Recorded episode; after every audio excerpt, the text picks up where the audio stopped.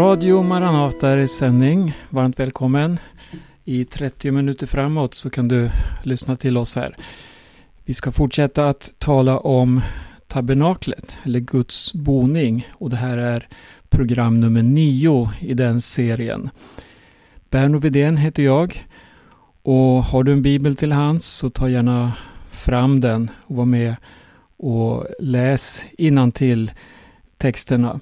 Tabernaklet, det är ju den boning som Gud designade, som han gav Mose uppdrag att bygga då folket befann sig i öknen.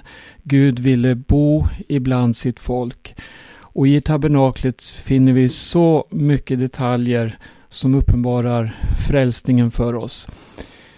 Vi ska i det här programmet eh, eh, titta lite på själva tältet.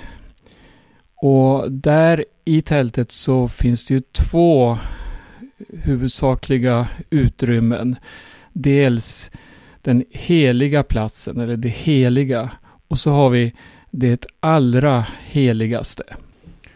Och varje dag så skulle prästen gå in i det heliga för att tjäna Herren i sin prästtjänst. Och där fanns det tre föremål. Dels så var det ju eh, bordet för skådebröden. Där fanns ljusstaken av guld, en sjuarmad ljusstake och ett brännofferaltare. Tidigare så har vi ju sagt då att till tabernaklets gård, alltså den första ingången, det är den man måste gå igenom och det finns en enda ingång för att komma in i hela det här området. Men när vi nu kommer närmare nu och ser på då de här inre områdena. Vi har, dels har vi ingången som vi har nämnt tidigare. Men för att komma in i det heliga så finns det också en ingång. Och sen finns det en tredje ingång som eh, är det förhänge som åtskiljer det heliga från det allra heligaste. Och allt det här är ju bilder på Jesus. Eh, jag tänker på en väldigt känd bibelvers. Vi ska ta och läsa den. Det är Johannes 14 och 6. Här säger Jesus, jag är vägen, sanningen och livet. Ingen kommer till Fadern utom genom mig. För att komma in då på, om vi använder de här bilderna, in på förgården, så tänkte jag att den porten, det är Jesus som är vägen. Kommer vi in i det heliga, då möter vi Jesus som sanningen. Och in i det allra heligaste, där möter vi Jesus som ger livet. Och det är så att den som går in eh, på vägen som är Jesus, han lär känna sanningen. Och i och med att vi får lära känna sanningen, ja då får vi också livet. Och det är också samma material på, på de här ingångarna som vi tidigare har läst om. Ehm, färgerna, det är blått, purpur, karmesi och det är eh, eh, vävt då av lin. Och eh, sen står det om att det finns fem kolumner av trä som är, som är alltså täckta av guld. Och det här eh, träet och guldet, det återkommer ju på flera platser i tabernaklets konstruktion. Och det, det har alltid den här betydelsen, alltså träet, akacieträ, där ser vi Jesus som människa. Och guldet, det är den gudomlige Jesus. Och så ser vi också i detaljer som vi redan har talat om hur vi människor blir införlivade i honom. Och vi är ju då Eh, jag tänker på de här brädorna vi har talat om, som är med och bygger upp templet. Och där, där ser vi hur vi är behandlade, överdragna med guld, alltså iklädda Kristus. Och så bygger vi tillsammans upp denna helgedom, precis som församlingen ska byggas upp. Levande stenar.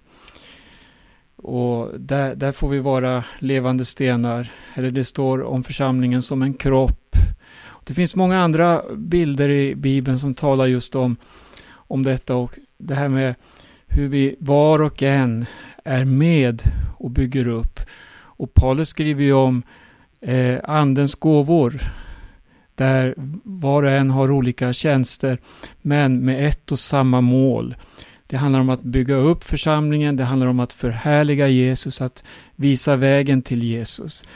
Och nu ska vi titta vidare här. Vi ska läsa om eh, ljusstaken och vi går då till eh, eh Andra Mosebok kapitel 25 och vi läser från vers 31. Du ska göra en ljusstake av rent guld. I hamrat arbete ska den göras med sin fotställning och stam.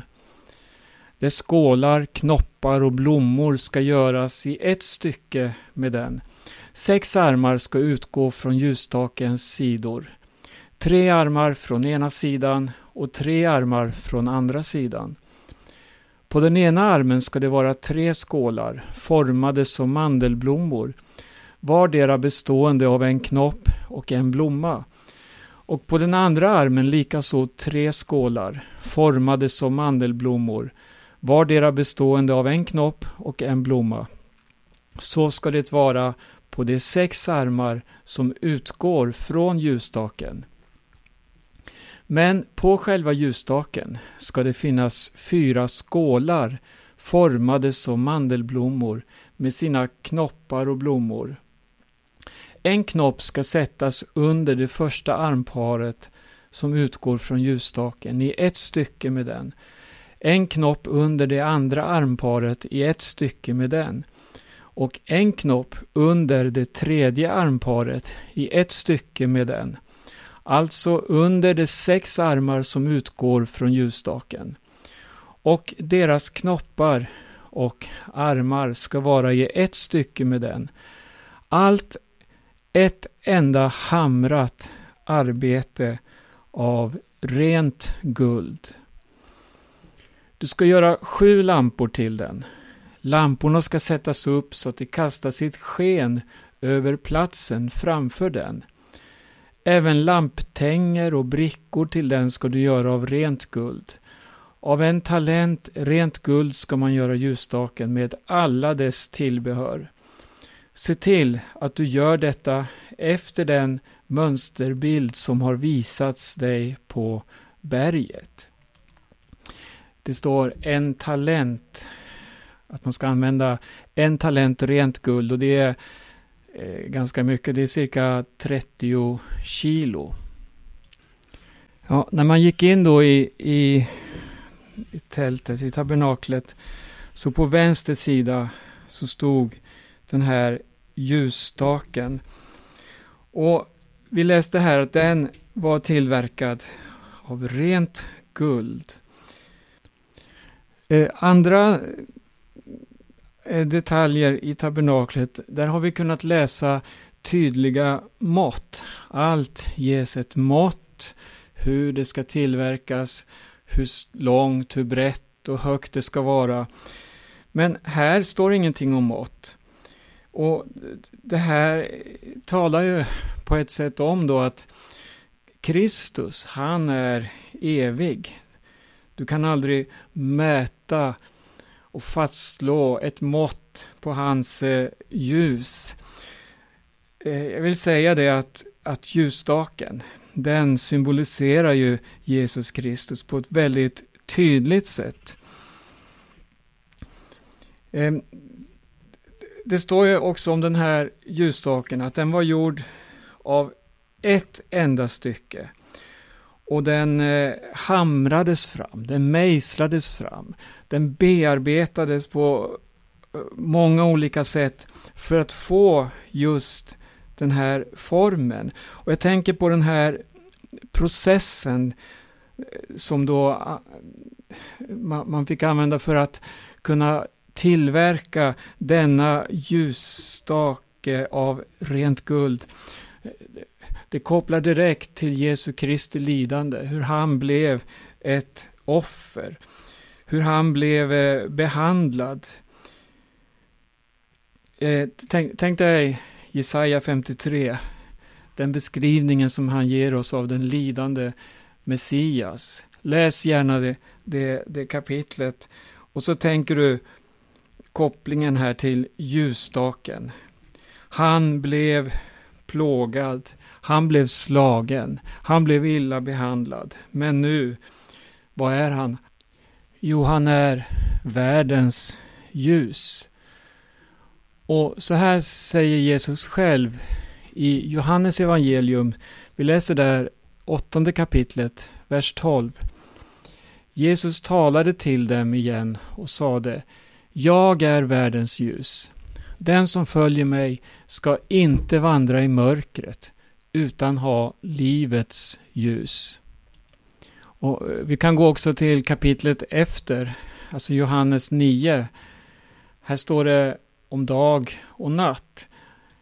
Vi kan läsa eh, från vers 4. Så länge dagen varar måste vi göra hans gärningar som har sänt mig.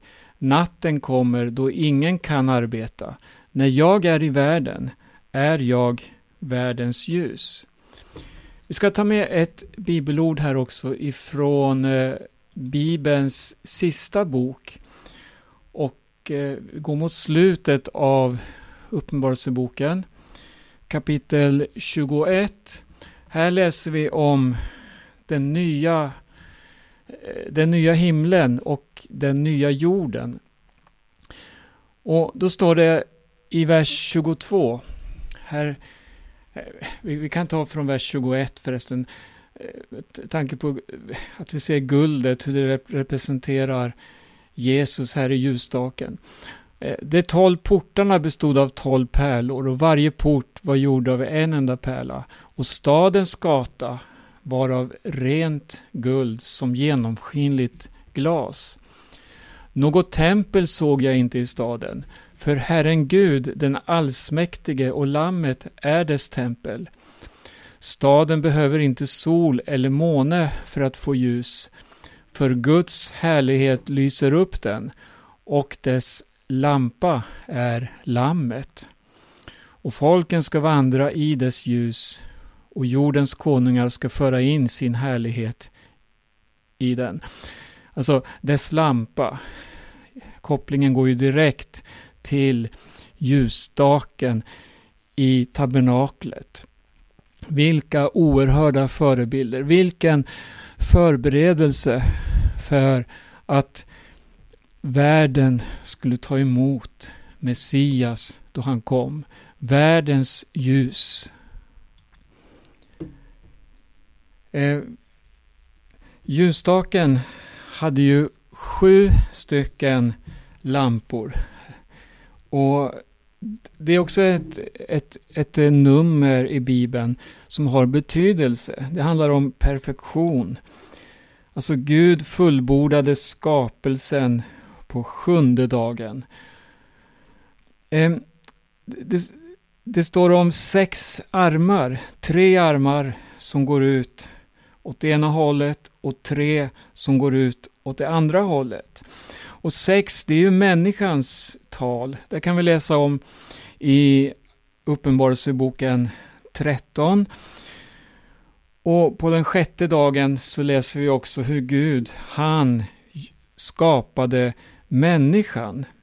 Tänk dig då de här eh, sex armarna på ljusstaken som mänskligheten, som människan, du och jag.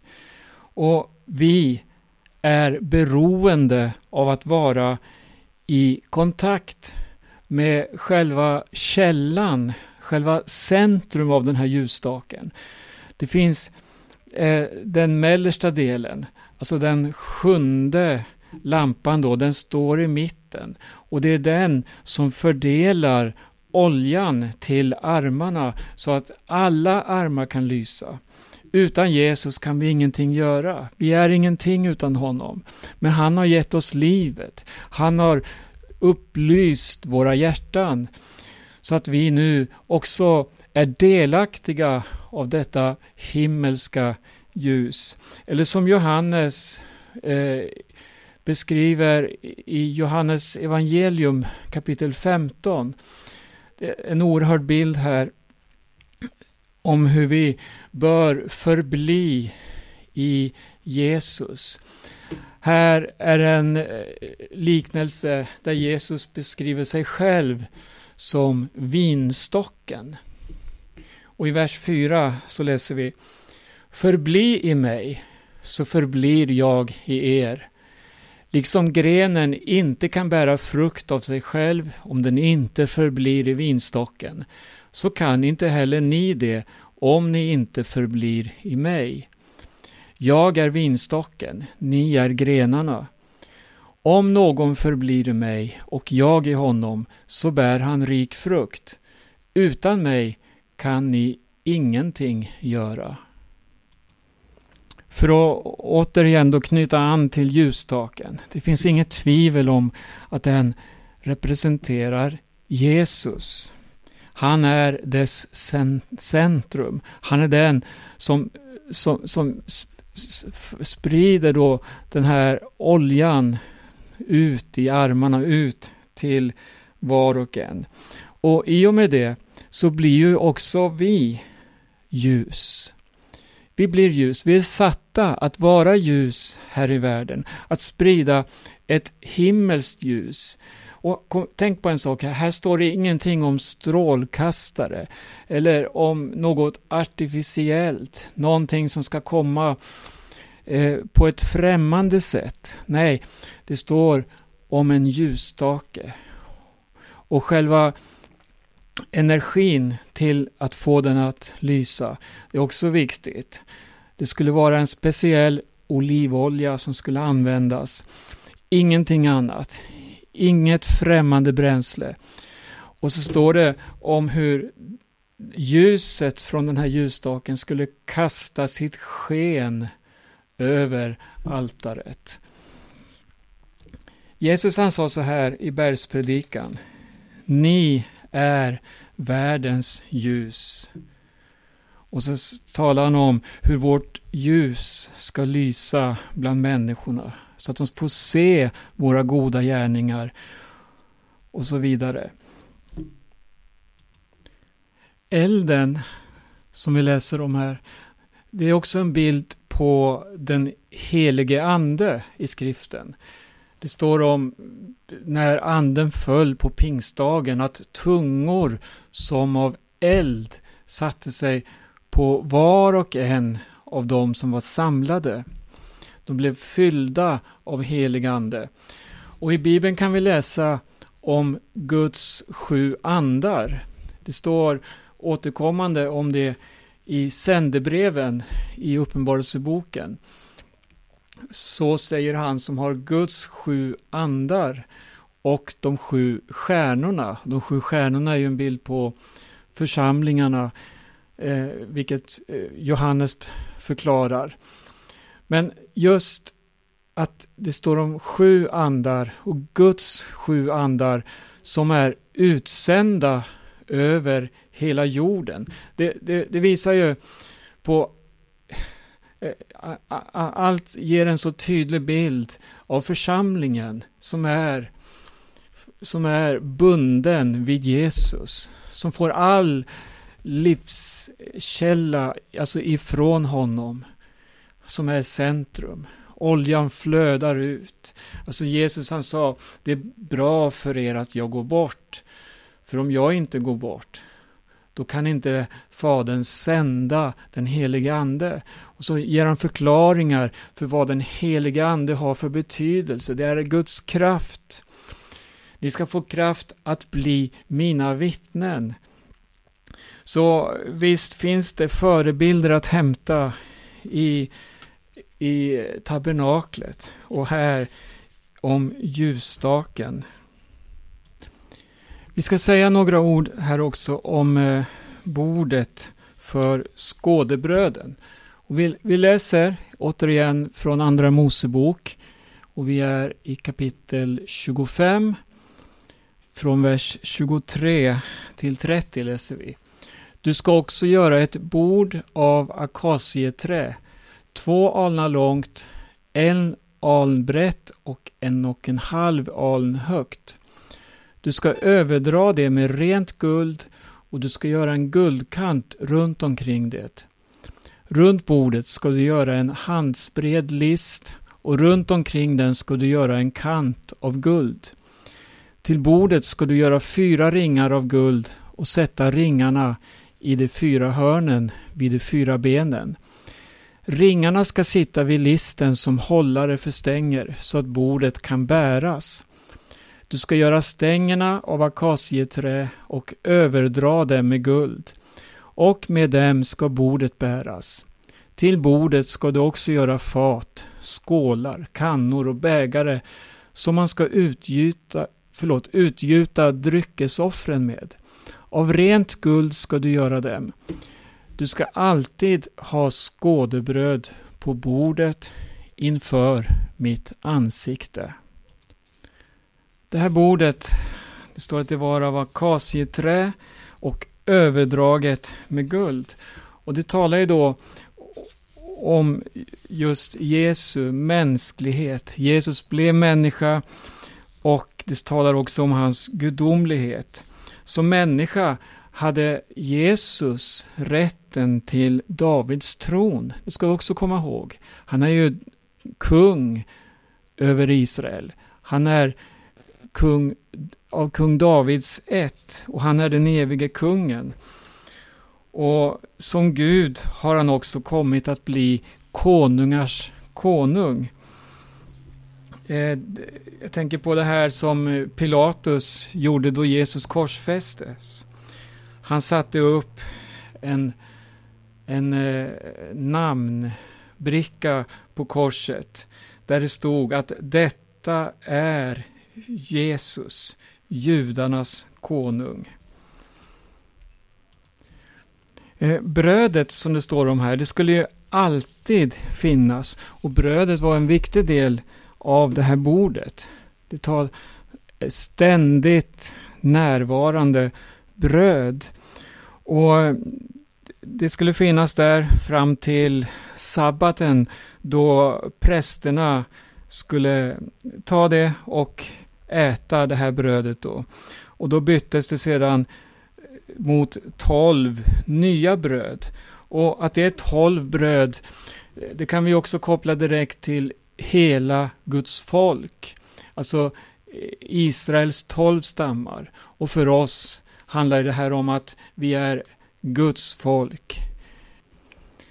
Eh, de här bröden påminner ju också eh, Israels stammar då om att de var beroende av Gud. Gud var deras försörjare. Och det fick de ju bokstavligen vara med om under 40 år i öknen, hur Gud sände manna från himmelen.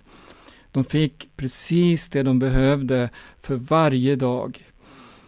Och brödet var ständigt närvarande inför Gud. Det låg där. Och det var inte så att det fanns där för att Gud skulle ta och äta upp det här brödet som man kan möta i många hedna religioner, där man på olika sätt eh, offrar människor. Nej, det här var någonting helt annat. Det var gudomligt. Gud, ja, hela tabernaklet vittnar om hur Gud, han vill ha gemenskap och närvaro med människan. Eh, i, i Johannes evangelium, vi, återigen ska vi se när Jesus talar och han talar här om eh, att han är livets bröd. Det står i kapitel 6, vers 35. Jag är livets bröd. Den som kommer till mig ska aldrig hungra och den som tror på mig ska aldrig någonsin törsta. Och så går vi lite längre fram. Vers 48. Jag är livets bröd. Era fäder åt mannat i öknen och det dog. Här är brödet som kommer ner från himmelen för att man ska äta av det och inte dö. Jag är det levande brödet som har kommit ner från himlen. Den som äter av det brödet ska leva i evighet och brödet som jag ger är mitt kött för att världen ska leva. Och så vers 58. Detta är brödet som har kommit ner från himlen, inte som det bröd fäderna åt och sedan dog. Den som äter det här brödet ska leva i evighet.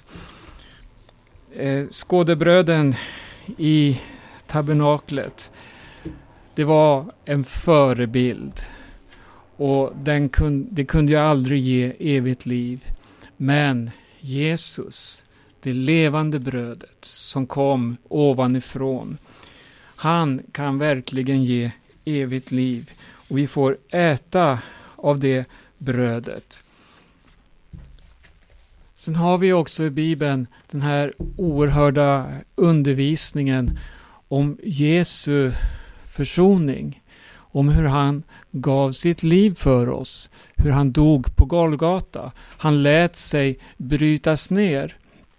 Och så hur Jesus vid den sista måltiden, under denna måltid, så tog han ett bröd.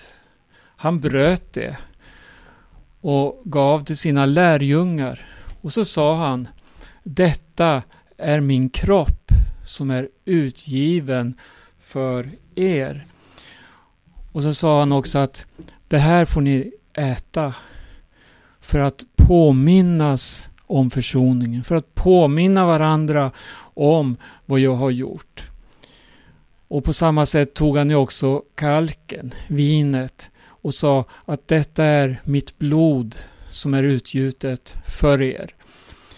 Det finns förebilder, det finns kopplingar som allt pekar fram. Men du, det, det som är så stort, det som är så fantastiskt, det du och jag har, det som är så mycket mera än förebilder.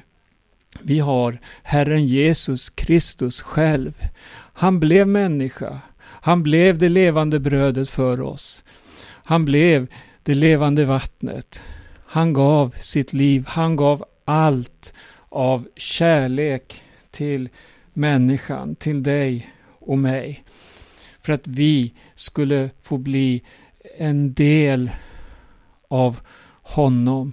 Vi skulle få ett evigt liv i Herren Jesus Kristus. Vi ska avsluta med att läsa ytterligare en bibelvers här. Efesierbrevet kapitel 2 och vi läser vers 4 och framåt. Men Gud som är rik på barmhärtighet har älskat oss med så stor kärlek, även när vi ännu var döda genom våra överträdelser, att han har gjort oss levande med Kristus. Av nåd är ni frälsta. Han har uppväckt oss med honom och satt oss med honom i den himmelska världen, i Kristus Jesus, för att i kommande tider visa oss sin överväldigande rika nåd genom godhet mot oss i Kristus Jesus.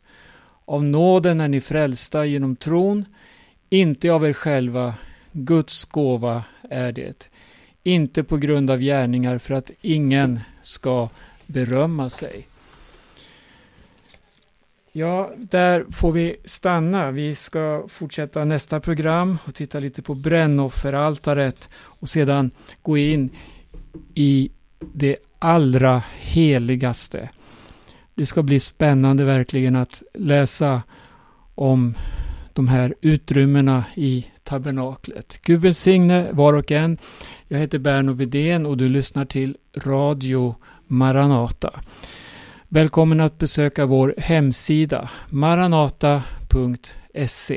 Där finns det många ljudfiler att lyssna till, alla radioprogram exempelvis. Och eh, det finns också texter att läsa där. På återhörande.